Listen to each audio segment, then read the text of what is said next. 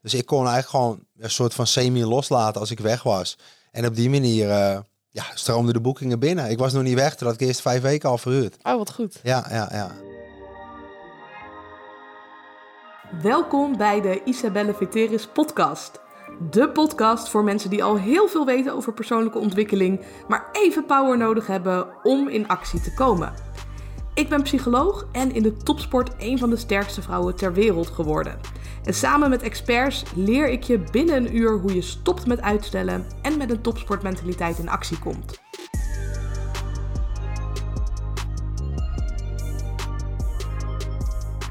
Top. Nou, ik zit hier in Egmond met Nicky. En voor de mensen die jou nog niet kennen, zou je het kort iets meer over jezelf willen vertellen? Ja, ik ben Nick Opperdraaier. Ik ben 39 jaar oud. Woonachtig in Egmond aan Zee. Ja, het dorp wat eigenlijk gebouwd is op toeristen. Daar zometeen meer over uh, met mijn vakantie of uh, ons vastgoedavontuur. Ik ben getrouwd. Ik heb twee kleine kindertjes van 10 maanden en uh, net twee jaar. En ben de eigenaar van de B&B verhuurcursus. Ja. ja. En we hebben zelf hebben we zes woningen en 19 restaurants in beheer. En we zitten hier in ons beheerkantoor. Ja. ja, heb je hier altijd gewoond in Egmond? Ja, ja ik woon hier sinds 1983. En, ja. toen zijn mijn ouders hier naartoe verhuisd. En toen zijn ze eigenlijk ook al meteen begonnen met het verhuren van vakantiewoningen. En dacht jij toen al op die leeftijd, ja, dat ga ik later ook doen? Ik had meteen toen ik zes maanden oud was van, nu ga ik knallen. Dit is mijn droom. Dit is mijn droom. Nee, maar het heeft ons wel... Kijk, ik, wij konden wel heel vaak op vakantie. En dat was wel natuurlijk doordat wij gewoon extraatjes hadden uit, uh, uit de vakantieverhuur. Dus ik heb er wel altijd een beetje van over nagedacht, weet je wel. Dus we gingen gewoon meer op vakantie als anderen, zeg maar. Ja, ja dus het was wel een concept wat in je hoofd zat van... hé, hey, er komt extra geld binnen, dit is gaaf, ik kan hier fantastische dingen mee doen. En misschien wil ik later ook een manier verzinnen om dat te doen. Maar dat is niet wat je als eerste bent gaan doen. Nee, nee Vertel. zeker niet. Nee, ik ben... Uh, wat heb ik gedaan? Ik heb gewoon uh, de MAVO gedaan. Ik zou eigenlijk HAVO gaan doen, maar ik wist het niet zo goed. Ik was ook geen goede student. Mijn broer heeft het CIO's bijvoorbeeld gedaan. En uh, die heeft iets in de sport gaan doen. Mijn vader was leraar op de ALO, Academie Lichamelijke Opvoeding in uh, Amsterdam, sport en spel. En ik, ik wilde dat eigenlijk ook altijd gaan doen, maar ja, op die leeftijd liep ik een beetje te rad draaien. Dus uh, toen heb ik van alles en nog wat gedaan naar de MAVO. Ik ben kok geweest, ik heb in de bouw gewerkt. Dat was het allemaal niet. Toen op een gegeven moment was ik 17. En toen zei mijn moeder, die kwam met de televisie uh, aan, weet je wel, de, de tv-gids. En ze zegt, jij gaat naar de mariniers? Had ze een programma gekeken erover? Of? Nee, er stond een reclame in oh. van zo'n wervingsselectie. Ja. Uh, reclametje was dat in de televisie. Dus uh, ja, ik, prima. Ik zeg, ik wist het toch niet. En, dus toen ben ik gaan keuren op Kattenburg in Amsterdam. Ja, dat was eigenlijk top. We gingen met 50 man heen, maar ik was altijd wel erg fysiek. Ik was gewoon fit. Psychisch was het ook allemaal wel in orde. Dus ik heb daar mijn keuringen gedaan. En ja, van de 50 man mochten er drie of vier door. En daar zat ik bij. Dus toen, uh, ja, in één keer uh, ging ik me aanmelden in Rotterdam op de Vergentkazerne. En uh, toen ben ik de mariniersopleiding ingegaan, zes maanden lang. Wat gaaf. En als je even terugkijkt op die tijd waarin je nog een beetje zoekende was, verschillende dingen deed en dat was het allemaal net niet. Hoe kijk je terug op die tijd? Ja, ik vind het heel lastig, want je, als ik ook voor mezelf, hoe, ik ben hier helemaal zelf niet eens opgekomen. Ik vind het ook best wel moeilijk voor de mensen die nu bijvoorbeeld in die leeftijd zitten. Want ja, in één keer moet je het allemaal maar gaan beslissen, weet je wel. En is dat het dan? Ja, en dus- dan hebben we ook nog de overtuiging dat we het af moeten maken. Dus als we erachter komen, dit is het niet helemaal, dan heerst er een stigma van, oh, als je dan stopt met je studie, dan heb je gefaald en dan moet het de volgende keer wel echt goed zijn. Ja, ja, ja dat is natuurlijk echt de onderwijsstijl. Ik noem het de oude stijl. Maar ik ben het er ook niet helemaal mee eens. Denk als, ja, als ik zie wat ik daar geleerd heb, ja, daar doe ik helemaal niks mee op dit moment. En ook bijvoorbeeld, dat is ook de reden waarom ik niet naar het CIOS. Hè. Mijn ouders zeiden van, nee, dat gaan we niet doen. We vinden je niet serieus genoeg. Het is toch een dure opleiding, weet je wel. Ga je dan wel afmaken? Ja, en kan je ook van een kind verwachten dat ze zo serieus zijn? Sommige kinderen zijn dat wel. Ik was dat zelf wel, maar mijn zusje bijvoorbeeld helemaal niet. Die wilde lekker spelen en doen. Ja, ga je de kinderen dan forceren om in de schoolbanken te zitten en daarna een, uh, een, serieuze studie te doen? Ja, ja, nou ja, zo was ik dus ook. Ik liep altijd een beetje te, ja, gewoon te geinen, weet je wel. Ik, ik, ik, ik nam het allemaal niet zo heel erg serieus. En in de mariniersopleiding wel natuurlijk, maar ik was nog steeds op de robmomenten was ik wel degene die nog wel steeds de sfeer eh, aan het, uh, aan het maken was. En dat heb ik eigenlijk altijd wel gedaan, denk ik. Ja, ja. Hoe verliep die opleiding toen voor jou? Ja, die opleiding, ja, ik vond het op zich wel heel fijn. Het is, um, ja, destijds was het nog wel, zeg maar, zoals je zo ziet, was in 2000 was dit, 2001. Ja, er wordt gewoon geschreeuwd tegen je. Je krijgt onhaalbare tijden, gaan ze jou geven. Puur om, om jou te testen, weet je wel, van hoe ver kunnen we gaan met jou. En kun je werken onder druk, kan je werken met een groep. Maar ik, ik heb het al wel als, als een hele leuke tijd ervaren. Het was fysiek ook wel heel erg zwaar, want je moet natuurlijk allemaal eisen doen. Maar het is niet zo dat je, hè, als je een 10 kilometer of een bruggenloopje in Rotterdam hebt van uh, 16 kilometer, ja, dan gaan ze s morgens gaan ze ook echt nog wel fysiek met jou aan de bak. Dus je hebt gewoon heel weinig hersteltijd. En ze gaan ook gewoon kijken, ben jij belastbaar of niet? Weet je wel? Dat is gewoon echt bij, uh, wat er bij Defensie heel erg gebeurt. Maar voor de rest ben ik er fluitend doorheen gekomen. Ja, heb ik dat echt wel uh, heel goed gedaan. En ook de kunst is om uit de blessures te blijven. Ja, ja ik denk dat dat het belangrijkste ja. is. En dat je er niet van uitgaat dat je alles gaat halen en dat alles gaat ja. lukken. Maar dat je in ieder geval doorgaat zolang je kan. Ja, ja. Hoe ging jij dan om met die zogenaamde tegenslagen? Dat ze je tijden gaven die je niet kon halen of dat ze je extra onder druk zetten? Ja, in het begin is dat moeilijk. Want ik snapte, ik was vrij jong dat ik erin ging. Ik was echt net uh, 18. Maar ik snapte dat spelletje nog niet, weet je wel. Ik ben later ben ik natuurlijk zelf instructeur geworden. Uh, het is fantastisch, want je bent gewoon echt mindfucks aan het doen met, met iedereen. En je gaat gewoon kijken, gaan ze het halen. Maar op een gegeven moment hadden we ook zoiets van, we moesten het allemaal als groep doen. Weet je wel, dat, dat, dat trainen ze echt voor, zeker bij die jonge jongens. Je, gaat, je geeft gewoon het uiterste en dat is het. En als het niet meer kan, ja sorry, maar je weet in ieder geval voor jezelf, ik heb er op dit moment alles aan gedaan. Ja, en je probeert de groep bij elkaar te houden, denk ik. Dat is ook het belangrijkste. Want je ziet ook vaak als, als sommige jongens zijn gewoon wat minder snel als anderen. Dat, dat zal je altijd houden. Sommige jongens die zijn wat minder geordend. Dat heb je ook heel erg. En dan kun je heel erg gaan fitten op elkaar. Maar ja, zo zijn mensen nou eenmaal. En zo kom je niet als groep het verst om dan nee, uh, nee, de mensen die minder niet. fit zijn uit ja. te schelden. Of... Maar dat heb ik later ook gemerkt in, uh, in de teams hoor. Dat, dat, kijk, iedereen heeft zijn eigen kwaliteiten. Zo moet je het eigenlijk gaan zien. En je hebt elkaar toch allemaal nodig. En als je kijkt naar een team, together everybody achieves more, is geloof ik, dat is de afkorting. En dat is ook echt zo. Want de een is daar goed in, de ander is daar goed in. Op die manier moet je elkaar denk ik allemaal waarderen, respecteren en, ja, en gewoon met elkaar verder gaan. Ja. Ja, en je zei, ik kan in ieder geval aan het einde van de rit zeggen, ik heb alles gegeven. Ja. Wat is dan voor jou alles geven? Want sommige mensen zullen zeggen, alles geven is als ik in ieder geval zelf het hardste ga, heb ik er alles aan gedaan om de groep te laten slagen. Maar dat is het denk ik niet. Nee, nee, nee. Maar dat is wel ook, kijk, fysiek was ik altijd wel echt wel fit hoor. En ja, dus wat is voor mij was gewoon alles geven dat ik gewoon echt gewoon tegen, als ik zelf individueel iets moest doen, dan ging ik gewoon door tot ik omviel, letterlijk. Ben ook echt wel eens gewoon dat je gewoon met, met die warmte zoals we hier nu zitten ja, was het ook zo warm. Op een gegeven moment ging gewoon het lampje uit. Ja, dan heb, weet je, oké, meer, meer zat er in ieder geval nu niet in. Ja. Maar alles geeft met de groep is bijvoorbeeld, is dat je achteraan gaat lopen en dat je mensen naar voren gaat duwen. Of dat je uh, de zware rugzak neemt. Je neemt de radio over, die was altijd te zwaar. Of je neemt de, de macht, dat is de uh, machinegeweer neem je. En normaal kost jouw uh, M16 of C7, een soort M16 is dat. Die weegt 4, 5 kilo geloof ik. Ja, en die mag weegt 12 kilo. Dus dan, en dan wissel je dat door en dan zorg je gewoon dat dat allemaal uh, bij elkaar blijft. En ja, dat versta je denk ik wel onder alles geven. Dat je gewoon met z'n allen probeert alles bij elkaar te gaan houden. Ja. ja en dus... mensen positief blijven stimuleren van kom op, nog een klein stukje. En telkens maar, ook al is het een mars van 20 kilometer, zeker in... Want ja, op dat moment is dat jouw zwaarste ervaringen in de mariniersopleiding als je 17 en 18 bent. Maar ja, daarna ben ik nog bij de Special Force en denk ik van ja, eigenlijk sloeg die helemaal niks. Nee. Sloeg die hele opleiding helemaal nergens op. Weet je wel wat we hier in godsnaam aan het doen zijn. Maar ja, dat is natuurlijk het rugzakje met ervaring die jij nog niet hebt gevuld in die periode. Ja. Ja. En hoe ging je toen vanuit die mariniers naar de Special Forces?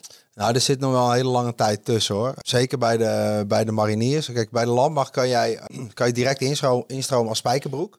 Naar de commando's bijvoorbeeld. Het is niet een hele makkelijke weg en het is ook niet voor iedereen weggelegd. Volgens mij heb Gijs Tuinman dat wel gaan, dat weet ik ook niet zeker. Maar bij de mariniers moet jij eerst zeg maar het liefst een missie gedraaid hebben. Je moet een berg- en een wintertraining gedraaid hebben. Dus dan weten ze in ieder geval, oké, je hebt al wat meer kennis en ervaring opgedaan. Uh, en daarna ga je nog weer een, een aptitude in, een selectieperiode van uh, een kleine drie, vier weken is dat geloof ik. En dan gaan ze gewoon kijken of jij geschikt bent. Als je geschikt bent, ga je de opleiding in van een jaar. Maar meestal zijn het wel jongens die al vier, vijf, zes jaar rondlopen. Ja. Ik liep bijvoorbeeld al tien jaar rond. Ja, ik dacht telkens, ik, ik ben hier niet goed genoeg voor. Dat dacht ik ook echt van mezelf. Ja. En waarom ging je dan toch voor die weg? Ja, ik, ik wilde gewoon wat meer. En ik zag, uh, als je op zo'n kazerne zit in, in Doren, dan, ja, dan zie je al die Special Forces jongens hier lopen, weet je wel. En wij, wij, ja, wij, waar ik zat gewoon bij de infanterie. Maar hun zijn ook vaak de instructeurs, weet je, als je op een berg of een wintertraining ging. En ik keek echt wel tegen die jongens op. En op een gegeven moment had ik zoiets van, ja, ik wil ook wel wat meer. Ik wil ook wel de leuke oefeningen doen in de bergen. Ik wil ook parachute springen. Ik wil ook bij de bijzondere bijstandseenheid komen en leuke missies draaien. Hun liepen altijd in mooie kleren, weet je, in de mooie auto's. Dus ja, op een gegeven moment denk ik van ja, ik ga het gewoon proberen. En um, toen heb ik in 2007 een eerste poging gedaan. Toen heb ik mezelf overtraind. Heb ik echt mijn uh, meniscus helemaal, uh, ja, die heb ik eigenlijk helemaal soep gelopen. Dus dat, uh, dat werd hem toen niet. Was voor mij was dat eigenlijk geluk bij een ongeluk. Want daardoor mocht ik wel weer later mee op missie naar Afghanistan.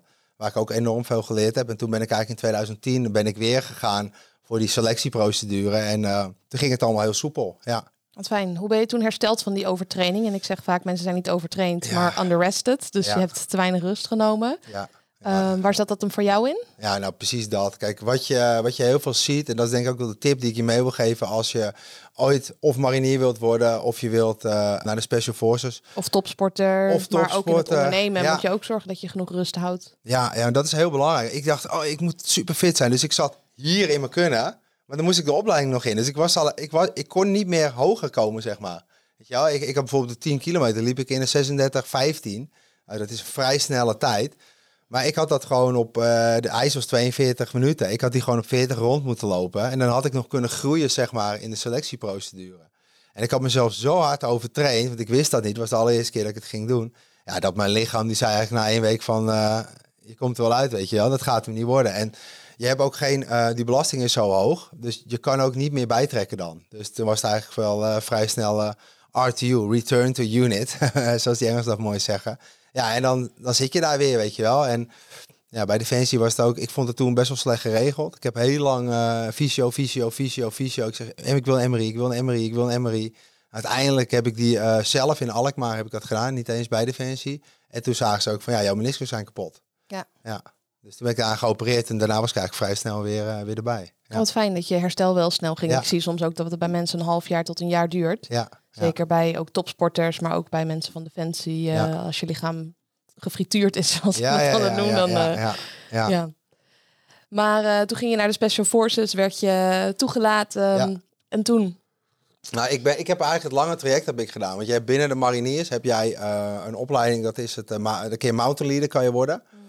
En dan word je lange afstandsverkenner in de bergen. Ehm, en je wordt uh, ja, instructeur op, op, bergtraining en wintertraining. Op, ga je bijvoorbeeld in Noorwegen en Schotland, dan mag jij uh, groepen tot 100 man begeleiden.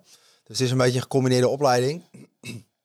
en binnen de mariniers heb je de Marshof, Maritime Special Operation Force. En daar vallen eigenlijk uh, drie takken onder. Dat is de bijzondere bijstandseenheid of de UIM. Ik weet niet of je, of je dat kent. Nou, in ieder geval als er treinkaping, dat soort zaken zijn komen die jongens in, uh, in actie. Dan heb je de kickforce mannen. En dan heb je uh, de mountain leaders eigenlijk. En die hebben allemaal een, een eigen ja, clubje, een soort peloton plus zeg maar. En ik wilde graag naar die club van de, van de mountain leaders toe. Ja, wat moet je daarvoor worden? Ja, dan moet je mountain leader worden. En daarna moest je nog de Marshof-opleiding doen. Dus ik ben toen eerst ben ik mountain leader geworden. Dan heb ik die opleiding, heb ik eerst de selectie gedaan in Nederland om mountain leader te worden. Nou, dat was zeven weken. En dat is echt alleen maar gaan, zeg maar. We begonnen met 25 man en na drie dagen hadden we nog vijf man over. Fitte mariniers, weet je wel. En ik, toen had ik ook eens iets van, ja, ga ik dit wel halen? Maar vaak onderschat je jezelf heel erg van, van je eigen kennen en kunnen. Want ik bleef gewoon heel erg bij mezelf, denk ik. En ik deed gewoon mijn ding. Ik speelde nou, niet echt een soort semi-grijze muis. Weet je, je wil je ook niet opvallen. Want die instructeurs die gaan bovenop je zitten. En als je eenmaal eruit springt, ja, dan Pakken ze je altijd. Ja, dan ben je elke keer. Ja. Dat is helemaal kut. Ja, dat moet je niet hebben. Ja, en na drie dagen hadden we nog vijf man over. Ja, toen heb je allemaal weken heb je dan, zeg maar. En op vrijdagmiddag heb je de Friday, Friday Beasting. Die is van 12 tot uh, half vijf. En dan ga je 4,5 uur achter elkaar uh, met balken, watertonnen. Uh, eerst door Rotterdam en later hebben we nog een keer in, in België doe je hem. En zo heb je eigenlijk elke week doe je een andere locatie. maar je leert ook bijvoorbeeld lesgeven in het Engels in die opleiding. Want die opleiding is later in Engeland, bij de Engelse mariniers. Dus je moet lesgeven in het Engels, je moet uh, klimmen, uh, rotsklimmen, voorklimmen ga je doen. Ook al die calls en zo, is alles is in het Engels. En dan gaan ze gewoon echt kijken van, hey, heb jij alle vinkjes? Ben jij uh, geschikt om die kant op te gaan? En dan na die zeven weken, dan beoordeelt zeg maar de staf of jij dan die kant op mocht. En dat was in 2000, even goed zeggen, 2009 was dit. En ja, ik was fit genoeg, dus toen mocht ik naar Engeland toe. Nou, dan mag je daar de, de opleiding gaan doen. En dan gaan ze in Engeland, hebben ze die selectie eigenlijk pas de eerste, eerste week van de opleiding is voor de Engelse de selectie. Dus wij, wij wisten al wat er ging komen, want dat hadden we in Nederland zeg maar al gehad. Ja, en dan gaan ze daar even aan die boom schudden. Dus wij... dat anders dan in Nederland? Ja, ze hebben daar geen voorselectie. Nee, dus, dus je kan je wel opgeven. En al die Engelsen die weten ook wel van ja, je moet, als je mountain leader wordt, moet je fit zijn. Want het is uh, denk ik een van, wel een van de zwaarste opleidingen in, in binnen de NATO-eenheden wereldwijd een van de zwaardere en voornamelijk door de duur, omdat het zo lang is. Het is negen maanden. Zelfs bijvoorbeeld de SAS, die, die kwamen bij ons langs toen in Noorwegen bij de opleiding. En die zeiden ook tegen die Engels van, oh, wat doen jullie hier? Hij zei, hoezo, hoezo kom je niet bij ons? Je verdient meer, je hebt leuke opdrachten. En uh, opleiding is, of is, is niet makkelijker, maar is korter, is korter weet je wel. Dus uh, ja, dat gaf ook wel iets aan. Maar ja, het is toch ook wel een soort van eretitel. Er zijn er ook niet veel van. Volgens mij zijn er nu 80 of 90 mensen binnen Nederland die dit ooit gedaan hebben sinds 1971. Ja, en veel zijn ervan ook gaan ondernemen volgens mij. Uh, ja, ja, je klopt. Sander daar misschien leren kennen. Ja, ja Sander is kikker dan, maar uh, Sander is ondernemer geworden. Jack Little ken ja, je misschien? zeker. Een goede vriend van me. Oké, ja, ja, ja. Jack is ook mountain leader. Ja. ja. ik zou bij Jack in de opleiding zitten. In, oh, uh, toen, toen werd het hem niet, dat ik mezelf overtraind, ja.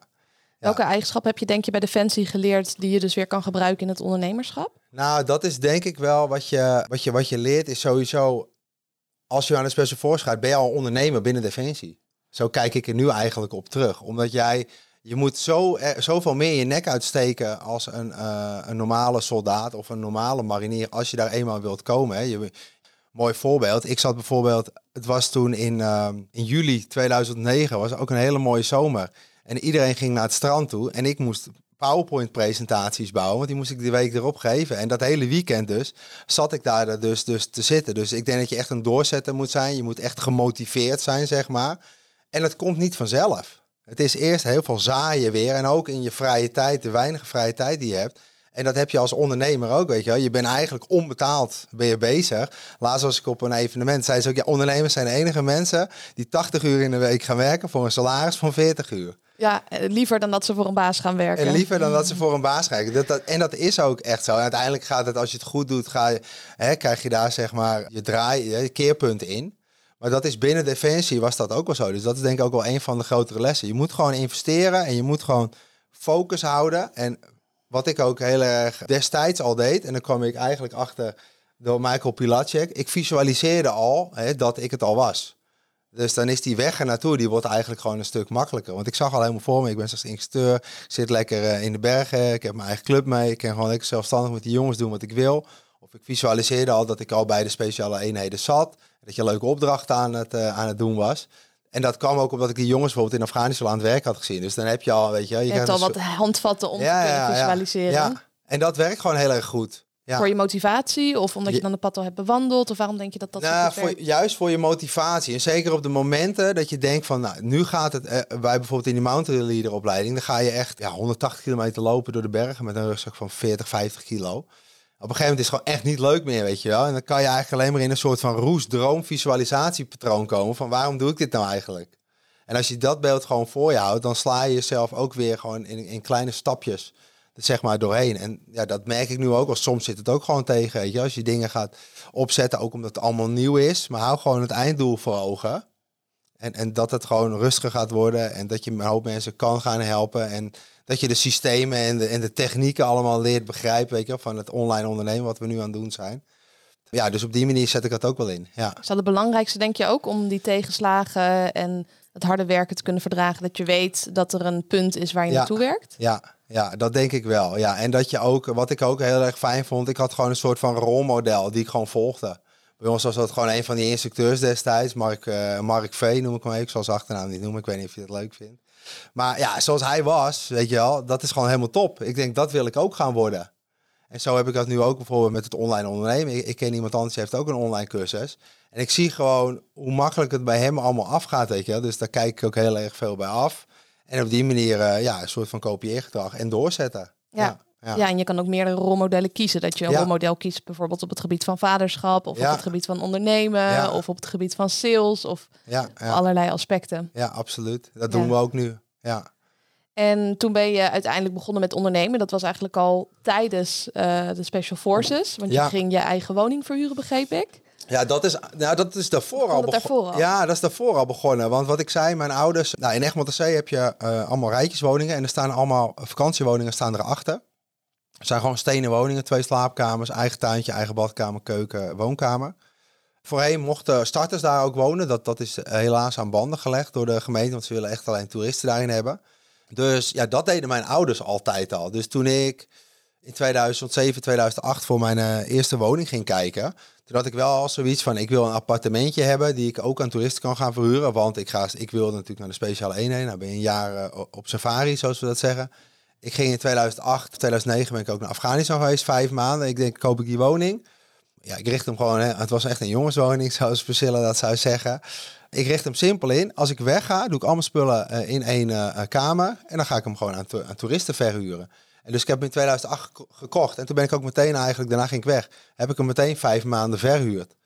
En hoe regel je dat dan met schoonmaken en dat soort zaken? Ik had toen iemand uh, gevonden, die uh, had ik helemaal ingewerkt. Dus ik zorgde dat we via de e-mail contact hielden en dat hij alle boekingen ook binnenkreeg. Dus die had zeg maar de in- en uitcheckdatums uh, hadden we op die manier bepaald. Die had ik helemaal opgeleid van. Ik had wel een heel goed beeld van ik wil het allemaal op deze en deze en deze en deze manier wil ik dat je het gaat doen. Zodat we één standaard daarin houden. Nou, het online zetten en zo, dat hebben we allemaal, heb ik toen zelf gedaan. Dat was echt nog ver voor Airbnb trouwens hoor. Dit is echt, destijds kwamen de Duitsers gewoon nog met bussen naar Egmond toe. En die werden gewoon midden in het dorp gedropt. En dan gingen ze gewoon een rondje lopen. En iedereen het bordje, zeg maar, uh, voor de kamers. En ik probeerde ze toen wel al online op te pakken. Dus ik deed dat via, ik, ik eigenlijk heel Nederland komen heel veel Duitse toeristen. Dus die ben ik gewoon online, uh, ben ik toen gaan adverteren. En... Uh, ja, dus ik had de schoonmaker. Ik had ook iemand die was troubleshooter. Dus mocht er een keer wat gedoe zijn, dan kon die eventjes uh, heen. Dus ik kon eigenlijk gewoon een soort van semi loslaten als ik weg was. En op die manier uh, ja, stroomden de boekingen binnen. Ik was nog niet weg, terwijl ik eerst vijf weken al verhuurd. Oh, wat goed. Ja, ja, ja. ja en het leuke is, die woning ging toen al voor een kleine 900 of 1000 euro voor een week weg. Wauw, ja. ja. Dus als je dat vergelijkt met uh, regulier verhuren ja. voor vijf maanden, dan pak je daar wel meer marge op. Ja, veel meer. Ja. Want de schoonmaakkosten ook, die reken je allemaal door een gast. Ja. Dus dat deed ik toen al. Ja. Ik gaf alleen die troubleshooter. En die betaalde ik ook gewoon prima. Want ik wilde ook geen gedoe daarover hebben. Dus ik ging er ook niet op beknibbelen. Ik had zoiets van, doe jij je ding maar. Want dan heb ik er geen omkijken naar. Zij tevreden, tevreden gasten, meer boekingen. Ik zeg, ik ook tevreden. Dus zo zijn we dat eigenlijk, of ben ik dat eigenlijk gaan doen. Dus 2009 ben ik naar Oeruzgan geweest. En terwijl wij daar uh, eigenlijk op missie waren, ja, heb ik echt vijf maanden heel goed die woning verhuurd heb ik denk een kleine 14, 15.000 euro gedraaid. Ik heb ook om zoiets ongeveer verdiend, terwijl ik zelf daar in het veld aan het werk was. En toen heb ik al dat geld wat ik had, iedereen kocht mooie auto's, motoren, dat we terugkwamen. En ik had zoiets van, ik ga die hypotheek aflossen. Ja. Want ik dacht van, ik wil gewoon later, wil ik geen hypotheek meer hebben, want dan is mijn salaris zakgeld geworden.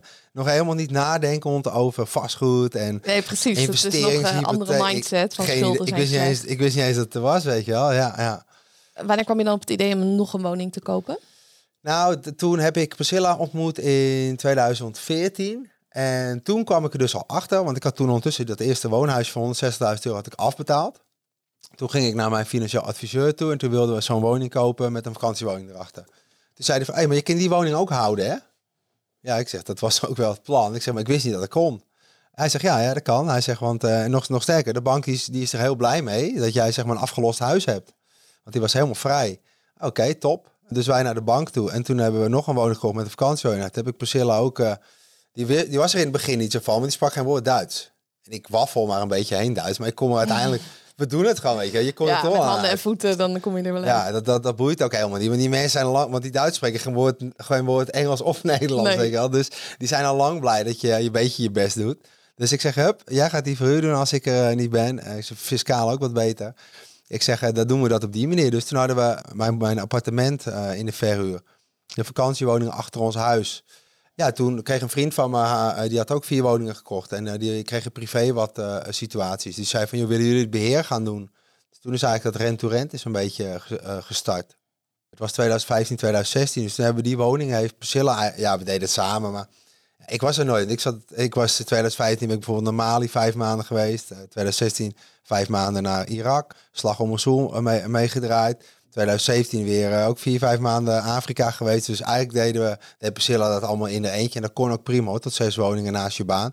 Als je het allemaal goed opzet. Ja, je moet een goede structuren in ja, ja, ja. zetten. En automatiseren. ja deden wij in het begin ook niet hoor. Je had ons moeten zien hoor. Allemaal van die schriftjes weet je wel, die je op de middelbare school hebt. En dan was dit Beach House Siesta, dit was Beach House Seaside, dit was uh, dat huisje, dit was die. En daar hadden we overal kalenders in gemaakt. En zaten we zo te krassen als we die boeking kregen.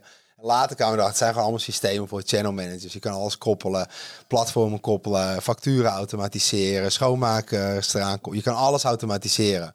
Ja, in het begin wisten we dat helemaal niet natuurlijk. En ja, dat is ook wat we nu zeg maar meenemen in de cursus. Weet je, dat, is, dat wiel, dat hebben wij echt wel de hard way uitgevonden, durf ik te zeggen. En, Tien jaar hè, hadden jullie erover gedaan? Ja, nou, ja inderdaad. 2018 hebben wij, uh, um, dat was ook ja, een stukje fast forward. 2018 hadden wij zoiets van, ja, we verdienen meer nu met de huisjes dan dat we beide. Priscilla was teamleider bij Basic Fit. Ik zat uh, bij Defensie. Ik moest weg bij de Special Forces, omdat uh, ja, je wisselde daar onder drie, vier jaar van functie. Waar ik enorm van baalde, want ik wilde echt, want ik was, ik was jong, het was in 2018. Ja, ik was 4, 35. Ik had, weet je wel, en ik wist ook, er was onder, uh, tenminste, die plekken waren leeg, dus laat me gewoon zitten. Dus toen werd ik instructeur. In die periode ben ik ook met Marco Pilacek, ja, hebben we zo'n uh, traject van hem gedaan. De boek gekocht, Master Your Mindset. Welk traject heb je gevolgd? Uh, nou, we hebben zo'n zo eendaagse uh, hebben we gedaan. Oh, cool. En online hebben we nog wat gevolgd van hem. Zeg maar om echt met die acht stappen, weet je wel, om je doel te bepalen. En ja, dat, dat gaf ons wel inzicht van, ja, wat zijn we nou eigenlijk aan het doen, weet je wel. Het, het, perspectief wat ik bijvoorbeeld voor me had, ik tekende voor 52 bij Defensie en het was al 63 geworden. En ik had het hartstikke naar mijn zin, op die nieuwe functie misschien wat minder. Ja, toen dachten wij ook van, weet je, je kan altijd terug. Laten we gewoon gaan ondernemen en... Dus gingen we volgas op de verhuur. Ik werkte nog wel voor een ander bedrijf. Doe ik nog steeds af en toe wat klusjes voor als contractor. Gewoon onszelf. Ja, we geven ook nog steeds training voor defensie. Dus had ik een beetje. Alleen ik hoefde niet meer. Ik kon zelf kiezen van nou, dit ga ik wel doen, dat ga ik niet doen. Ja, als je die financiële vrijheid hebt, dan kan ja, je doen wat je wil. Ja, ja, en dat kon al vrij snel bij ons hoor. Want ik heb die woning, nou, die was afgelost dan. Toen heb ik in 2017 zijn we breder gaan kijken. Ik dacht, oh, werkt dat trucje dan alleen aan de kust? En toen zat ik op bergtraining op die berg. En uh, ik zat op Funda te kijken. Het zag ik in een appartementje in Alkmaar staan. Ik zeg, Pris, ik zeg, ga jij eens kijken of het wat is.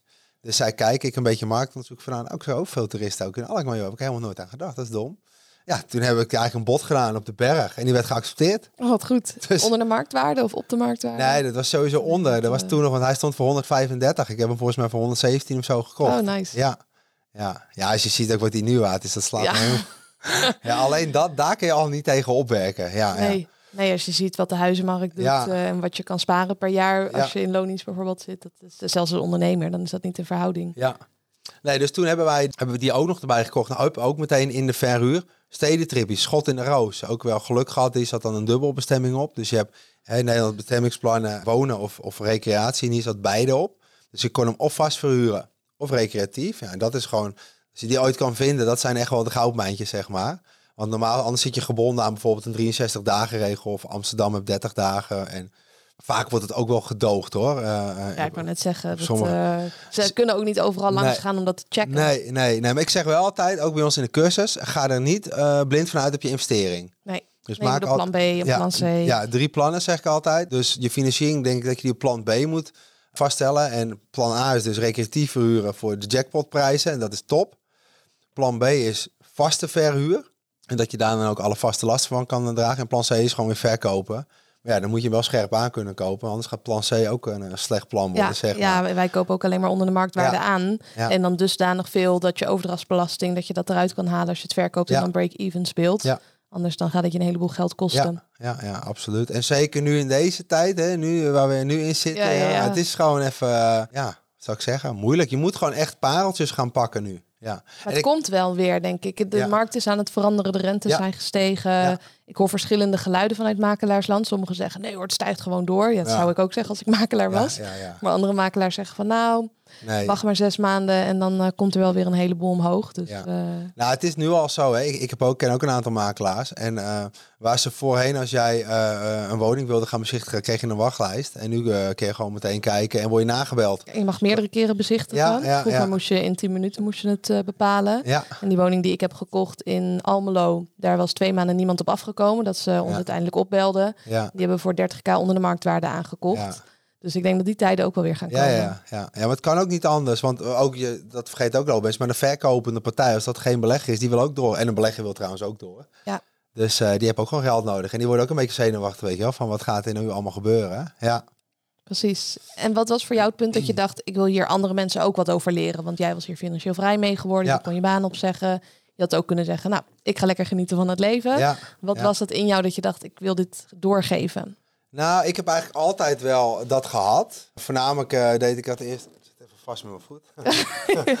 en voornamelijk deden we dat ja, gewoon fysiek. Dus gewoon één op één ging ik mensen helpen, collega's, vrienden. Best wel wat mensen geholpen met vinden van de juiste woning. Even doorrekenen, uh, financiering over meedenken. En daarna natuurlijk het, uh, het online opzetten. Dat deden we eigenlijk gewoon 2017, 2018, 19 hebben we dat gedaan. Toen kwam 2020 en nou, toen kwam COVID. Toen was ik al best wel nog wat klussen ook voor Defensie uh, aan het draaien. En op dat moment, toen viel dat ook even stil door COVID. En toen kocht ik een uh, Amazon cursus. Ik denk, nou, ik ga niet stilzitten, weet je wel. Ik denk, ga gewoon wel wat doen. Dan gaan we maar online iets doen. Dus ik kocht die cursus. Hoe kan ik verkopen op, op Amazon? Hele goede cursus overigens. Um, en ik zag zo al die, voor, die, die, die modules voor me. En ik dacht van, ja, ik zeg, dit kunnen wij ook. Ik zeg, en dan gaan wij gewoon ons uh, vakantieverhuurverhalen op loslaten. Dus daar hebben we nu, ja, zijn we gaan bouwen. Eerst hadden we vijf modules, toen werden het tien modules. En we hebben nu 17 modules. Waarin gewoon alles wat wij in die 14 jaar geleerd hebben, hebben we daar ingestopt. En ja, dat, dat was wel heel gaaf om te zien. Want op die manier kon je online kun je dus veel meer mensen gaan bereiken. En het leuke is, het trucje werkt wereldwijd, die zes stappen. Dat is het allergaafste, denk ik. Natuurlijk zijn er in het begin met financiering en regels en wetgeving... zijn er wat andere dingen. Maar vakantiewoningen zijn overal. En toeristen zijn altijd overal. Ja. Dus, dus deze, ik weet ook zeker, als je mij nu... maakt niet uit waar op de wereld neerdropt... Ik weet zeker dat ik zo'n business uit de grond kan stampen. Precies, ook al ga je helemaal failliet, dan vind je wel weer een manier. Ja, ja, ja, absoluut. Ja. ja. Dus dat is in uh, 2020 is eigenlijk het hele online gedeelte ontstaan. Maar daarvoor hielpen we al mensen hoor. Ja. Ja, ja, en ik kan me ook helemaal voorstellen dat in de wandelgangen dat mensen je al gaan vragen van hoe doe je dat nou? Ik heb dat nu al met vastgoed en zeg ik bewust, ik ga je niet coachen, want ik vind nog niet dat ik daar competent genoeg voor ben. Maar wellicht in de toekomst dat ik ook die kant op ga. Ja. Um, maar naast vastgoed ben je ook op andere manieren bezig met investeren. Ja, klopt. Vertel. Ja, nou dat is ook wel weer grappig. Dat was in 2000, moet ik goed zeggen, 2017, oktober. Toen zat iedereen uh, op die bergtraining waar ik ook was, waar ik ook dat andere huisje gevonden heb. die zat uh, op uh, Coinbase. Mm -hmm. nou, dat is zo'n appje in ieder geval voor de mensen die het niet weten. Daar, daar kan je crypto kopen. Ik had geen idee wat crypto was. Maar ik hou wel van een gokje. Dus, uh, dus ik zat zo te kijken. Ik zeg, oh, oh, ik zeg bitcoins en ethereum en litecoins. En hoe werkt het dan? En dat was net eigenlijk voor het punt voordat hij naar die 20.000 toe ging. Ik denk dat hij toen nog op, volgens mij stond hij zelfs nog ethereum op 38 euro. Litecoin nog echt gewoon ver daaronder. En bitcoin was 1400 euro. Dus nou, toen ik overal wel wat ingestopt, volgens mij overal 5000 van mijn spaargeld. Dat, ik eigenlijk... een behoorlijk risicootje als je zei van... Ja, ja maar ik, ik, heb, ik was wel... Ik liep de hele dag met die gasten en, en, en dat is het leuke daar. Je bent elkaar allemaal aan het aansteken, ja. weet je wel. En, uh, en ik wist ook niks van stoplossers af. Hè. Dat kon ook niet eens op die app. Dus dat was eigenlijk was wel een risico. Maar ja, ik denk, fuck it, we zien het wel, weet je wel. En uh, ik had wel die grafiek, dat had ik wel naar gekeken. Want ik had helemaal geen verstand van grafieken lezen. Maar ik keek wel naar de data van daarvoor. En toen zag ik al, hup, hup, hup, hup. Ja. Ik herkende wel een patroon. Ik denk, nou, ze gaan het gewoon doen. Ja, en toen ging hij in één keer naar de 4.000, 5.000 euro toe. Dus toen heb ik eigenlijk alles eruit gehad. En daar heb ik ook met een groot gedeelte heb ik Alkmaar toen dat eh, appartementje oh, van gekocht. Ja. Ja. Ja, op 6000 haalde ik alles er al uit. Ja. En dat, ik had bijvoorbeeld ook tot de 20 had ik hem uit kunnen rijden, zeg maar, het ritje. Maar ja, dat wist ik niet. Nee, dat weet je van tevoren ook niet. Dus wat ik nu uh... bijvoorbeeld zou doen, is meteen ook weer een tip. Een derde eruit op dat, een derde eruit daar, een derde eruit daar. En, en, of, of, of daar weer een derde van. En, en een stukje door laten staan voor een moonshot. Ja, gaandeweg leer je daarvan, zeg maar. Dus daar ben ik ook volgas mee, uh, mee bezig gegaan. Ja. ja, en ik raad mensen ook altijd aan van ga die game in. Ook al had je verlies gemaakt. Ik ken mensen die zijn uh, ingestapt toen crypto op 65 stond. Ja, ja, ja, ja, En die hebben geld verloren. Of nou ja, verloren als je het niet verkoopt, dan verlies je het niet. Maar je bent er in ieder geval in en je gaat de markt volgen. En je weet wanneer je dan wel moet aankopen. En nu in de dip koop je weer bij. Dus het is uh, ik denk sowieso een goed idee om ermee te starten met het investeren. Ja. Investeer je nog steeds in crypto? Ja, absoluut. Ja, ja, ja ik heb afgelopen maanden heb ik wel weer bijgekocht. Ja, goed. Ja, ja, ja. ik koop ook gewoon altijd, uh, op die manier koop ik, koop ik ook wel door. En ik zit ook wel gewoon in risicovolle altcoin projectjes, weet je wel. Niet al te veel. Maar ik vind het wel leuk om te zien, want dat heb ik ook wel gehad hoor. Vorige run, die ging gewoon keer 100. Dan gaat het heel erg hard, weet je Maakt het ook niet uit als een paar coins niet lopen. Nee. Als je eentje hebt die keer 100 gaat en uh, eh, 10 die mislukken, ja, dan heb je alsnog winst. Ja, ja, ja. Mijn grootste les is wel, ik, uh, ik heb alles op een ledger staan die ligt ook gewoon ergens anders. Er zitten twee voordelen aan en één nadeel. Uh, het grote voordeel is, ja, als ingebroken wordt, heb je niks om af te geven. En als er bijvoorbeeld toen in 2020 was die COVID-crash, weet je wel. Toen de maat van mijn zus zenuwachtig, die heeft verkocht. Ik kon niet verkopen, want ik had het niet. Weet je, dat lag niet thuis. Maar ik heb ook bijvoorbeeld op de top, toen dacht ik zoiets van, ik had echt 100.000 had ik als die grens.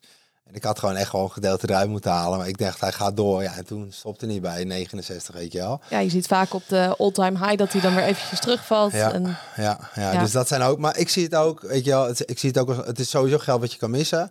En het is gewoon lange termijn investering. Ja, precies. Maar mijn doel, ons doel is wel van, huppatee, straks ga ik wel weer een gedeelte eruit halen. En dan ga ik wel weer gewoon steady in, in vastgoed in een vakantiewoning stoppen. Ja. Ja, ben je daar enthousiaster over dan over de crypto? is dat niet te vergelijken? Nou, weet ik niet. Ik, ben het gewoon een beetje aan het spreiden, denk ik, op die manier. Want ja, crypto weet ik nog steeds niet wat het gaat doen. Ik denk dat Bitcoin eigenlijk altijd wel uh, kan blijven. Maar ja, als je dan uh, de Klaus Swaps van deze wereld er uh, op loslaat, dan ja, zeggen ze ook van ja, het kan ook wel aan banden gelegd gaan worden. En van die huisjes, ik denk als ik hier gewoon een gedeelte winst kan pakken en ik stop het in een vakantiewoning, ik weet gewoon dat ik met die vakantiewoning 1000 euro per week kan gaan verdienen.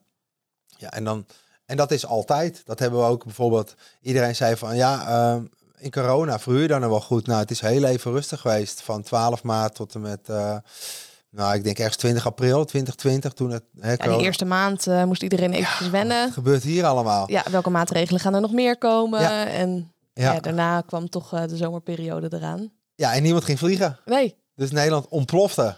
Wij zaten echt bom en bom vol. Ja.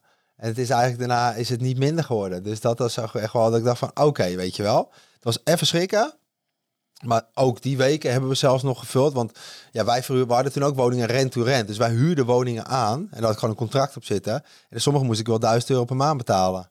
Ja, dus dan moet ik wel een, een manier van kiet gaan spelen. Anders gaat het heel snel van je af. En nou, binnen drie dagen hadden we eigenlijk alle woningen vol. Ja, gewoon voor. En heb ik ook gezegd. En we daar toen al heel veel gescheiden mensen. En bijvoorbeeld mensen die bij Open Oma wonen, die zeiden van nou met COVID, ik vertrouw het niet. Die werkt in de zorg, kan ik even bij jou huren? En hebben gewoon tegen kostprijs plus plus hebben dat alles toen verhuurd. En zo zijn we eigenlijk door die coronaperiode heen, heen, heen gekomen. En dat, het was even schrikken. Priscilla was ook hoog zwanger toen, dus dat was echt wel even, even heftig toen. Die hormonen vlogen alle kanten op. Ja. Maar ja, ik zeg, kom op, weet je, als ze zijn nog niet op ons aan het schieten. ik zeg, het komt wel goed. En uiteindelijk kwam het ook wel goed. We hadden binnen drie dagen hadden we alles verhuurd. Ik had gezegd, jongens, we gaan uh, half april weer krijgen we weer een berichtje van ons. Kan je misschien verlengen met een maand of het houdt gewoon op. Als een kort, kort contract, zeg je. Nou, toen zijn we eigenlijk in mei weer gaan draaien. Ja. Goed. Toen moet ik zeggen, toen kwam oktober kwam wel net even te vroeg toen. Want we hadden oktober best veel boekingen staan. En toen kwam weer die lockdown natuurlijk. Als die in november was gekomen, was prima geweest. Dan hadden we gewoon november tot maart weer, zeg maar, met een andere doelgroep gaan spelen. Maar uh, ja, goed, we zijn er hartstikke goed doorheen gekomen. Absoluut. Ja. ja. Want welke doelgroep zet je dan in de winter erin? Nou, er zitten bijvoorbeeld weer, uh, zoals hier in de buurt zit, uh, in Middenmis, een Google centrale, Microsoft centrale, een datacentrum zijn ze aan het bouwen. En dan gaan we die gewoon targeten. Ja, en dan probeer ik en dan gewoon, voor een maand of twee maanden. Ja, zeven, acht weken. Jongens zijn van s morgen zes tot s avonds zes keihard aan het werk. En die betalen ook nog wel flinke nachtprijzen. En op die manier heb je een hele hoge bezettingsgraad. Plus ook nog wel, ja, gewoon relatief weinig werk eraan. En dat je best wel goede verdiensten eruit haalt. Ja. ja. ja. Ja, zorg altijd dat je de plan B goed hebt. Ja. C, D, E tot ja. met Z. Ja, ja, ja. Nou, ondertussen worden we daar wel lucratiever in. En we, hebben ondertussen ook een heel groot netwerk, weet je wel, daarvan. Dus zo had ik laatst een cursist van ons, die heeft een uh, woning in Hellevoetsluis gekocht. En toen zei hij, ah, ja, kunnen we nou nog meer gaan bedenken? Dus ik pak gewoon Google Maps erbij en ik ga naar de kaart. Ik zeg, en ik wist toevallig dat ze daar die windmolenparken, windenergie zijn ze daar aan het opwekken. En dat zijn buitenlandse partijen. Ik zeg, reis naar die parkeerplaats van uh, Vestas toe. Dat is het bedrijf die dat bouwt. En zo zijn we gewoon een beetje gaan kijken. En dan gaat hij nu als het goed is flyers onder de ruitenwissers leggen. Oh, super. En dan gaat hij die, want die jongens zitten nu waarschijnlijk allemaal in hotels. Maar ik weet gewoon uit ervaring, hun willen niet in een hotel. Ik zou zelf ook bij de fans, als je hotelkamer, dan word je doodongelukkig. Ja, Geef me maar gewoon een huisje. Ja. ja. En dan in die tijd die ze hebben, dan kunnen je mooi jouw woning kan je aan verhuren. Ja. Ja, er zijn zoveel opties. Je kan ook de bedrijven opbellen of je kan een advertentie plaatsen. Of ja, via Facebook kan je vandaag de dag ook alles verkopen. Ja, ja, ja, ja, ja. Ja, social media doen we ook best wel veel mee op dit moment. Ja, en dat is echt heel erg onder, uh, ja, onderschat eigenlijk door iedereen. Dat je ook gewoon daar via dat kan gaan verhuren. En zeker met recreatieverhuur is het grote voordeel daarvan. Op Airbnb en Booking betaal je gewoon 15 tot 18 procent commissie.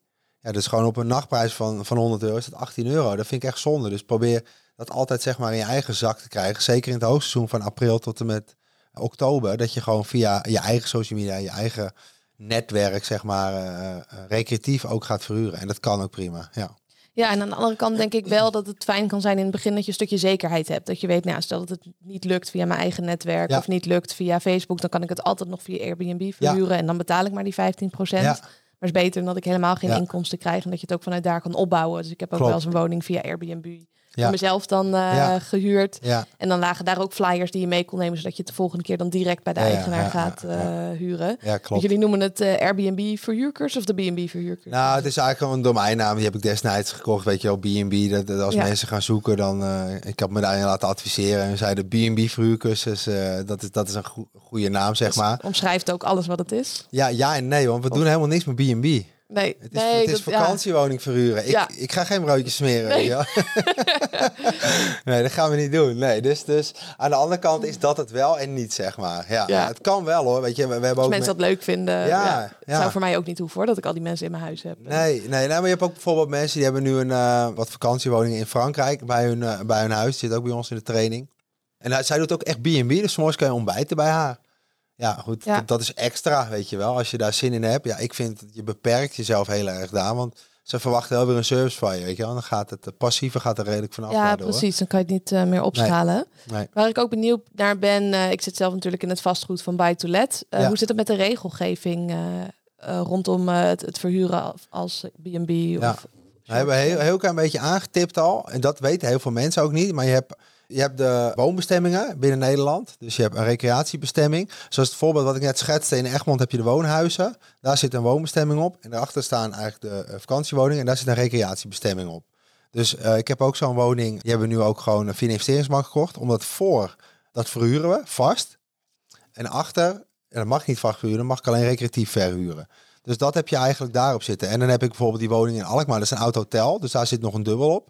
Er zit nog recreatie op oh, en wonen. Maar als jij bijvoorbeeld die woning in Almelo hebt, dan mag jij waarschijnlijk maar een aantal dagen. Ja, precies per jaar. Per jaar die woning verhuren. Wordt het gecontroleerd? Nee. Mag, ja, of tenminste weet ik niet voor Almelo, weet je wel. Bijvoorbeeld Tilburg is heel erg soepel erin. Die doen echt zo. Je kan zelfs een vergunning aanvragen. Mag je het hele jaar door verhuren. Maar Den Haag is echt een no-go op dit moment. Die waren helemaal klaar met die rolkoffertjes. In Amsterdam is dat natuurlijk een beetje hetzelfde verhaal. En dan heb je het alleen over de woonhuizen. Maar dan heb je ook nog alle vakantiewoningparken binnen Nederland. En dan ga ik het niet over de grote jongens hebben, want daar blijf ik ver weg van. Want ja, er is er maar eentje die aan het eind van de rit echt beter wordt. En dat is de parkeigenaar. Ja, want die krijgen behoorlijke commissies. Heel hoge commissies. En vaak is 30% van het park is van hunzelf. En hun, alle verhuur moet via hun lopen. Dus mag je één keer raden in welke woningen het vol ja, zit. Weet je? Dus ja, sorry, maar doen we niet aan mee. En, en je moet het meubilair vernieuwen, ook al is het nog goed. En dan moet, moet je gewoon het is betalen. Maar er zijn ook heel veel parken. Dan mag je gewoon de grond kan je kopen of huren of erfpacht. En dan uh, kan je daar gewoon zelf wat op neerzetten. Hou er wel rekening mee als je bijvoorbeeld een chalet erop neerzet. Vaak mogen die maar 18 jaar staan. Dus als jij een chalet ergens koopt van 16 jaar oud die helemaal opgeknapt is. Leuk, maar daar heb je niet Hartstikke laat. Ik laatst iemand, die was geen cursist bij ons, maar die belde wel op. ik heb een probleem, ik heb hem gekocht en, uh, en dan moet hij weg over twee jaar. Ja, ik zeg maar, ik zeg, heb je dat niet uitgezocht dan in de statuten? Of in, hè? Nee, nee, nee, nee. Ja, dan heb je nu dat ding. En die zet hij straks in Almere op het industrieterrein. En er is geen hond die dat ding gaat kopen, weet je wel. Dus het is ook, je belegt ook echt op die parken buiten AFM-gebied. Dus doe echt heel erg goed je due diligence daar ook.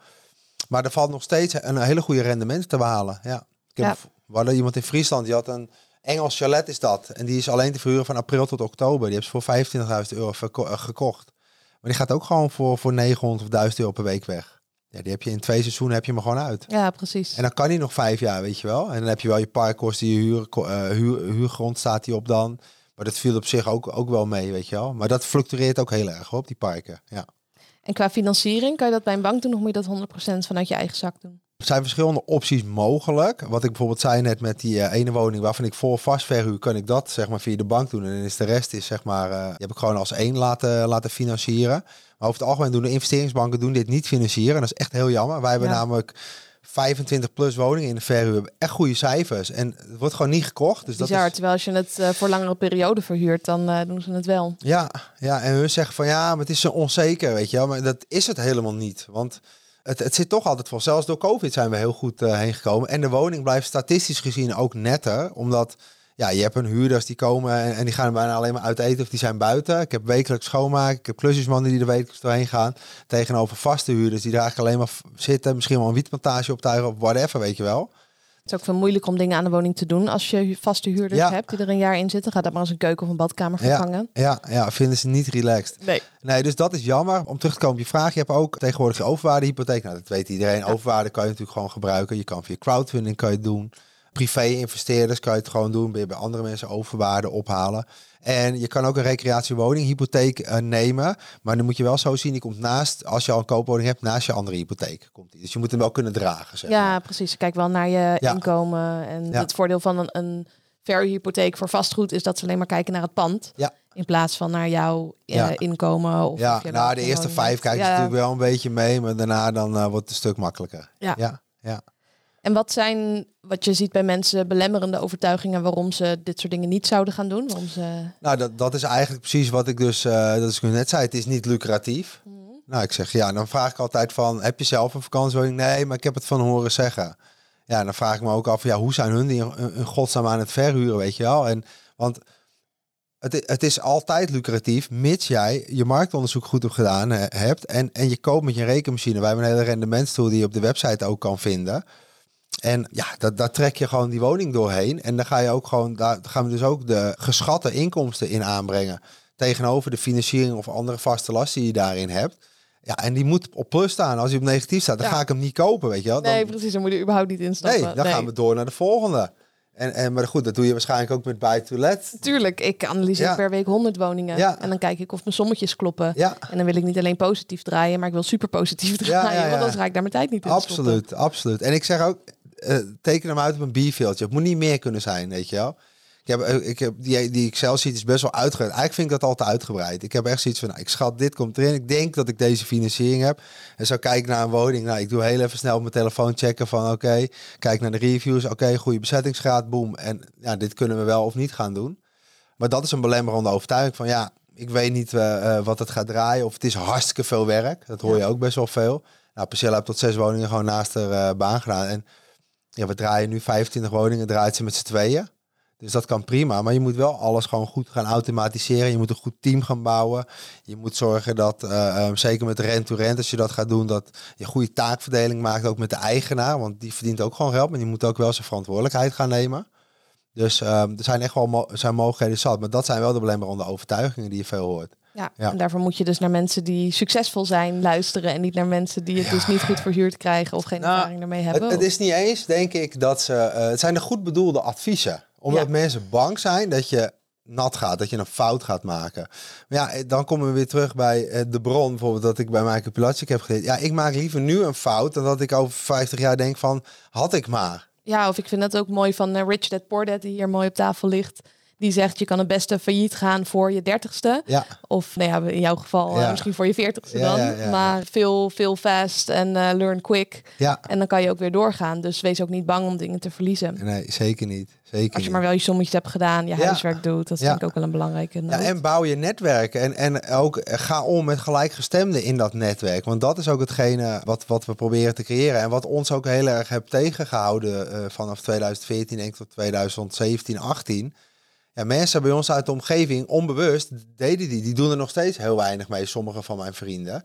En maar dat is prima, weet je wel. En sommigen doen het wel. En dan zitten we dan over te debatteren. En dan ga je samen woningen zoeken. En je ziet van alles. En dan ga je elkaar uitdagen. En dan wil je elkaar een beetje overtreffen. En ik denk dat je daarvan alleen maar gaat groeien, weet je wel. En dat je dan echt de, juist de leuke dingen gaat, gaat vinden. En dus als jij iets graag wil, ga dan eens mensen zoeken die dat ook graag willen. En laat misschien je oude ja, oude vrienden eventjes op dat moment wat minder contact mee. En ga dan die mensen zoeken. Want dan kan je gewoon opschalen. Dat zie ik nu ook in mijn ondernemerschap. Weet je wel? Ga ik met andere ondernemers toe die het liefst al verder zijn als waar ik ben. Juist. En dan kan ik me knijterhard aan optrekken. En uh, ik geef ook wees kritisch, schiet op me, weet je wel. En geef me feedback, want daar word ik alleen maar beter van. Ja, ja tof. Ja. Ik ben ook benieuwd, je gaf aan van nou, ik vond die woning via Funda. Hoe kom je aan de koopwoningen en de rent-to-rent woningen? Ja, koopwoningen zoeken wij gewoon via Funda of, of uh, via flyers doen we dat. De, de vakantiewoningen doen we dat. Ja. ja, je hebt Funda Recreatie heb je. Maar wat ook gewoon heel erg goed werkt op dit moment, zeker voor de stenen woningen, is Marktplaats. Er staan ook gewoon heel veel woningen op.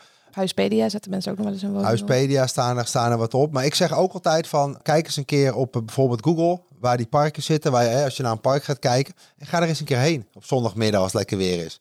Misschien willen de mensen er wel vanaf, weet je wel. En er wordt op dit moment nog niet heel veel geflyerd. Dus dan ga je daar gewoon je ronde doen. En wellicht loop je tegen iemand aan die van zijn van woning af wilt. Dus op die manier doen we dat. En zo doen we het eigenlijk ook met, uh, met rent-to-rent. Ja, ja, dus, niet van zijn woning af te willen om hem te willen verhuren. Ja, ja, ja, ja, misschien voor de mensen die niet weten hoe dat uh, rent-to-rent werkt. We hebben, ja, ik, ik moet gaan vertellen, want het is ook een podcast natuurlijk. ik ga ik ben altijd van het vies uit. Dat mag, dan proberen we het te vertellen wat je Nee, maar je hebt dus een vakantiewoning van iemand anders die wellicht leeg staat, omdat ze wat ouder zijn of ze hebben geen zin, geen tijd voor om het te verhuren. Die ga je benaderen en zeg je van, hey, ik wil hem of van je vasthuren voor bedrag X, hè, tussen de 500 of uh, wij hebben wel 17,50 voor een woning betaald. Was wel voor 10 personen. Of je zegt, ik geef je 20, 25, 15 procent, whatever, waar je over uitkomt. En dan ga jij eigenlijk alle beheer opzetten. En dan, uh, ja, dan kun je met iemand anders een woning, kan je het spel leren. Je kan daar uh, naast je baan, kan je daar geld mee gaan verdienen.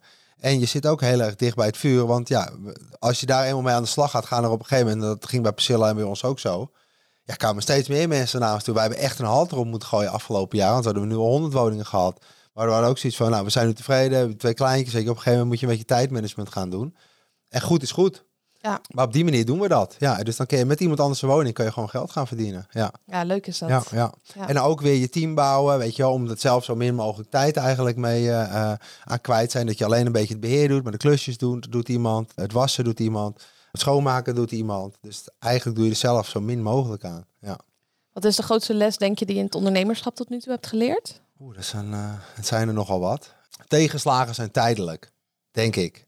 Weet je, je kan heel erg even in de put zitten, maar hou gewoon je doel scherp voor ogen. En al lukt iets niet, probeer er links omheen, probeer er rechts omheen te gaan. Zoom af en toe ook gewoon, af en toe ook gewoon even uit als iets niet gaat. Weet je, anders kom je in die negatieve spiraal en ga dan gewoon weer, uh, weer door. Maar ze zijn toch altijd tijdelijk. Ja. Ja, dat is ook wel een geruststellende gedachte, denk ik. Op het moment dat er dan een tegenslag ja, is, ja. dat je er wel weer doorheen komt. Ja, je komt er uiteindelijk, kom je er altijd wel weer doorheen, weet je wel. En de tijd die tikt toch wel door. En je gaat echt wel een manier vinden. ja. En uiteindelijk win je als je het langs doorgaat. Of dat nou in defensie is, of in ja. van de topsport, of in het ondernemerschap, of in het vastgoed. Ja, maar dat zeg ik ook altijd. Laatst had ik ook iemand die wilde bij ons in de cursus komen. En die hadden hun overwaarde. Uh, dat gingen ze volgens mij echt deze week opnemen. En ik moet binnen twee weken een vakantiewoning hebben. Ik zeg, jezus man, wat een haast. Ik zeg, ja, waarom? ja, omdat ze hun hadden die overwaarde opgenomen. Die teller begon te lopen. Ja, en ze hadden ze de financiële ruimte om... Ja, volgens mij weet ik niet precies. Maar volgens mij, hadden ze, volgens mij konden ze het wel dragen. Maar hun wilden meteen... Uh, ja, dat gehaast. Moet meteen 1000 euro per week uitkomen. Ik zeg, ja, ik zeg, het kan. Ik zeg, als je de juiste woning gaat vinden. Ik zeg, maar weet je hoe je dat allemaal moet doen? Ik zeg altijd, pak eerst gewoon even een aantal weken de tijd om de modules te doorlopen. Om de cursus te volgen. Of we geven nu ook een live training, weet je wel. Een van de valk. Volg die. Dan krijg je alle handvaten. Kan je gaan zoeken. En ga ook droog trainen. Nou, bij Defensie zeiden we, wat houdt droog trainen in? Bijvoorbeeld, uh, we gingen naar de schietbaan. Dan ga ik schieten. Maar als ik niks te doen had, ging ik mijn houdenwissel oefenen. Blindelings. Zodat ik super snel in elke situatie overal ter wereld, in het donker, onder stress, kan ik, omdat ik droog getraind had, kon ik die houdenwissel gaan doen. Maar dat kan je dus ook met vastgoed doen wat jij zei, je gaat op zoek naar woningen, je gaat honderden woningen doorrekenen. Ja, ook al ben je helemaal niet van plan om die te kopen, dat maakt niet uit. Of random bezichtigingen doen. Of... Ja, dus kijk ook in de omgeving. Is dit een strategische locatie, et cetera? Ga dat echt doen. Maar daar hadden ze allemaal geen tijd voor. En moest allemaal snel. Ik zeg, ja, dan moet je misschien naar zo'n groot park gaan. Ik zeg, dan krijg je 3% rendement. Ik zeg, dan ben je ook helemaal tevreden. Dus ik zeg, nou ja, moet je niet bij ons zijn. Dus ehm, ja, geen haast hebben. Vastgoed is een marathon. Het is geen sprint. En het is ook, denk ik, een lifestyle die je jezelf aan gaat meten. Ehm, naast wat je al doet. Je hoeft echt niet op te geven wat je al doet. Alleen ja, wij zien wel gewoon, dit is gewoon voor de rest van ons leven. En het is gewoon heel steady, het is heel zeker en het bouwt gewoon, het bouwt gewoon op. Ja. ja, en ik denk dat je ook een bepaalde mate van enthousiasme ervoor moet hebben. Dat je, ik ben er sinds ik het heb ontdekt uh, een beetje besmet met het vastgoedvirus. Ja, ja, dus ik denk, oh, ik vind het superleuk en ik wil er graag mee bezig zijn. Dus ik wil helemaal niet dat ik in twee weken al mijn doelen al heb bereikt. Ja. Dat is bijna zonde, want dan, dan ben je er al. Wat ga je dan doen? Ja, ja, ja, ja. Wat zijn jouw doelen nog in het vastgoed? Want je zegt, ik blijf hier waarschijnlijk de rest van mijn leven nog mee bezig. Wil je meer woningen of het anders insteken? Ja, ja wij willen, of wij gaan, hè, wij willen niet, wij gaan. Wij gaan volgend jaar uh, sowieso een hele mooie uh, appartementstand villa willen we gaan kopen in Tenerife. Dus dat is eigenlijk korte termijn, zeg maar, uh, planning. En daarnaast wil ik eigenlijk in Noord-Holland wil ik nog een aantal vakantiewoningen gaan, gaan aanschaffen. Dus dat is het uh, op dat gebied. Ja, en we willen ook gewoon lekker met de kinderen gaan genieten. We willen ook bijvoorbeeld in Tenerife willen we van november tot maart zelf gaan zitten. Oh, heerlijk. Ja, ja. En dan in de zomer gaan we verhuren. En ik heb hem nu al uitgerekend. Want dan ga je zo gigantisch plussen dat je eigenlijk het rest van het jaar zit je helemaal goed. Ik ken iemand die heeft een Ibiza-woning en die verhuurt hem een maand in de zomer. En daarvan kan ze het hele jaar door kan ze de huur betalen. Ja, ja, ja. Ja, ja dat, dat kan zeker. Ja. ja. Dus dat zijn een beetje op dat gebied de doelen. We zijn de cursus die, die zijn we aan het opschalen, zeg maar, ook met fysieke trainingsdagen. Dus dat we op die manier uh, mensen nog beter kunnen gaan helpen. En je merkt toch wel dat je gaandeweg echt heel veel stappen al hebt gemaakt. Zo hadden we, laatst hadden we een project, ja, die komt dan ook, hè, onverwachts komt hij naar binnen. Konden we in één keer een, een boerderij kopen met 280 vierkante meter. Ja, het was nu nog paardenstal, zeg maar. En dan konden we daar een mochten we daarin gaan bouwen en een kantoorpand. Dus dan zou dit kantoor waar we nu zitten, zou weggaan, zouden we daar gaan zitten. Ja, ging wel om anderhalf miljoen. Ja, die ben ik helemaal gaan door. En ik zeg, ja, ik ga ik doen. Weet je wel? Ik zeg, ik, ik ga nog, klopten. Ik ga nog niks tekenen. Sommetjes klopt. Uiteindelijk zijn we een beetje afgehaakt omdat het op bestemmingsplannen een beetje vastliep. Eh, zeker met de financiering werd, konden we dit wel financieren. Maar ik had allemaal verschillende appartementsrechten nodig op deze woningen. En in dit geval zat er nog maar eentje op. En het was te onzeker nu om dat te gaan doen. En ook omdat ik, ik kon die voorfinanciering, kon ik mijn privé-investeerder doen.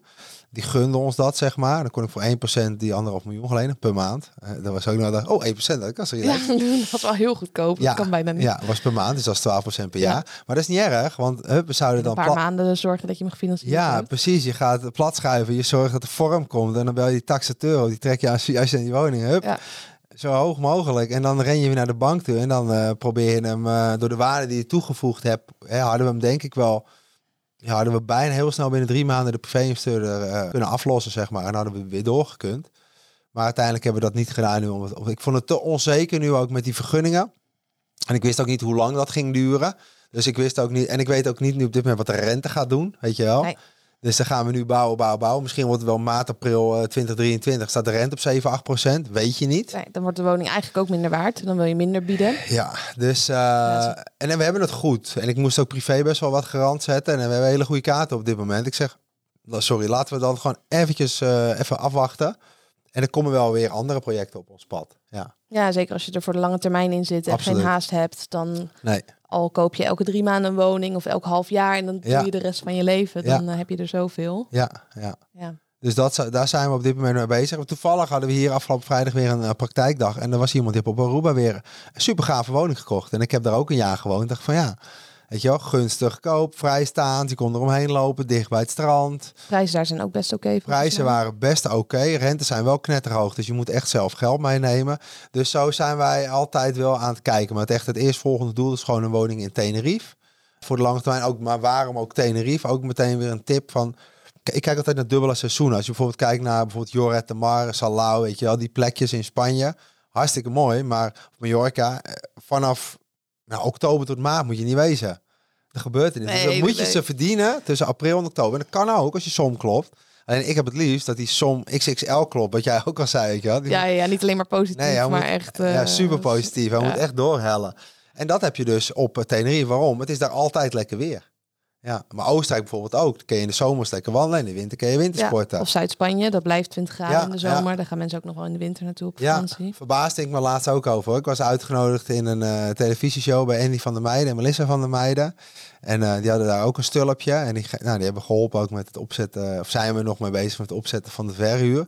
Toen heb ik ook een beetje marktonderzoek gedaan. Maar uh, Stijn Zeeman zit er natuurlijk ook. Die verhuur ook gewoon het hele jaar door. Maar ik verbaasde me er echt over. Het was daar in de winter ook gewoon supergoed verhuren. ja.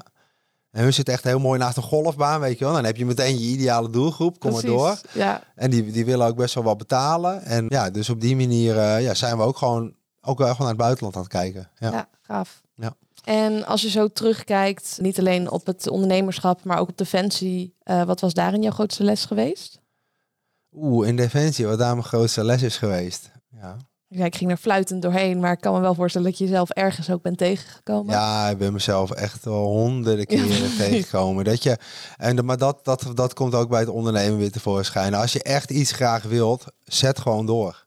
Weet je, ook al zit het tegen, ik heb blessures gehad. Maar uiteindelijk heb ik het hoogst haalbaar gehad wat ik, wat ik eigenlijk kon worden. En dat was teamleider binnen de Special Forces. Echt een eretitel. Super mooie opdrachten gedaan. Maar ja, wel altijd gewoon, uh, gewoon doorzetten. Ja. ja. En zet ook, uh, sta open voor feedback. Zet je ego aan de kant. Dat is denk ik wel het allerbelangrijkste. Ja. En, en Want wat ik daar ook wel, wat ik, waar ik vroeger nooit zo van was, en dat is netwerken. Weet je mijn vorige uh, teamleider, die was de koning van het netwerken. Die zat overal bakjes te doen. En ik zat iets van, weet je, ik was altijd aan het sporten. Als ik op het kan was, ging lekker even trainen, even pompen en uh, even ontspannen. En hij was overal bakjes aan het doen. Maar als we een keer wat nodig hadden, dan komt Bart, die, die liep ergens langs. Die had binnen een poep en een scheet, had hij zijn zaakjes op orde en voor elkaar. Dus dat is denk ik ook wel een van de lessen die ik nu meeneem. Van je moet gewoon iedereen, je kan van iedereen wel wat leren, weet je wel. Zet gewoon je ego aan de kant. Ook al vind je iemand een, een eikel. Ja, dat, dat maakt niet uit. Je kunt nog steeds wel, kun je, kun je iets van hem, eh, kan je van hem gaan leren, weet je wel. Dus uh, ja, netwerken denk ik en, eh, en doorzetten. Ja. Ja, nou, mooie dingen denk ik om mee af te sluiten. Ja, absoluut. Hartstikke bedankt. Ja, jij bedankt. Ja. Hartstikke leuk om hier te ontmoeten. ja. ja. Hartstikke leuk dat je naar deze podcast hebt geluisterd. Mochten we nog niet connected zijn, volg me even op Instagram, @isabellelifts of download even mijn gratis e-book met meer dan 50 tips over mindset via isabelleveteris.com. En ik hoor ook heel graag wat je van deze podcast vond. En dat kan je doen door even een screenshotje te maken van eh, de podcast zelf, via Instagram even te delen wat je ervan vond en mij natuurlijk even te taggen. Want als topsporter kan ik alleen maar leren van feedback en hoor ik ook heel graag wat je ervan vond. En uh, ik wens je ook een hele fijne dag en dankjewel voor het luisteren en tot de volgende keer.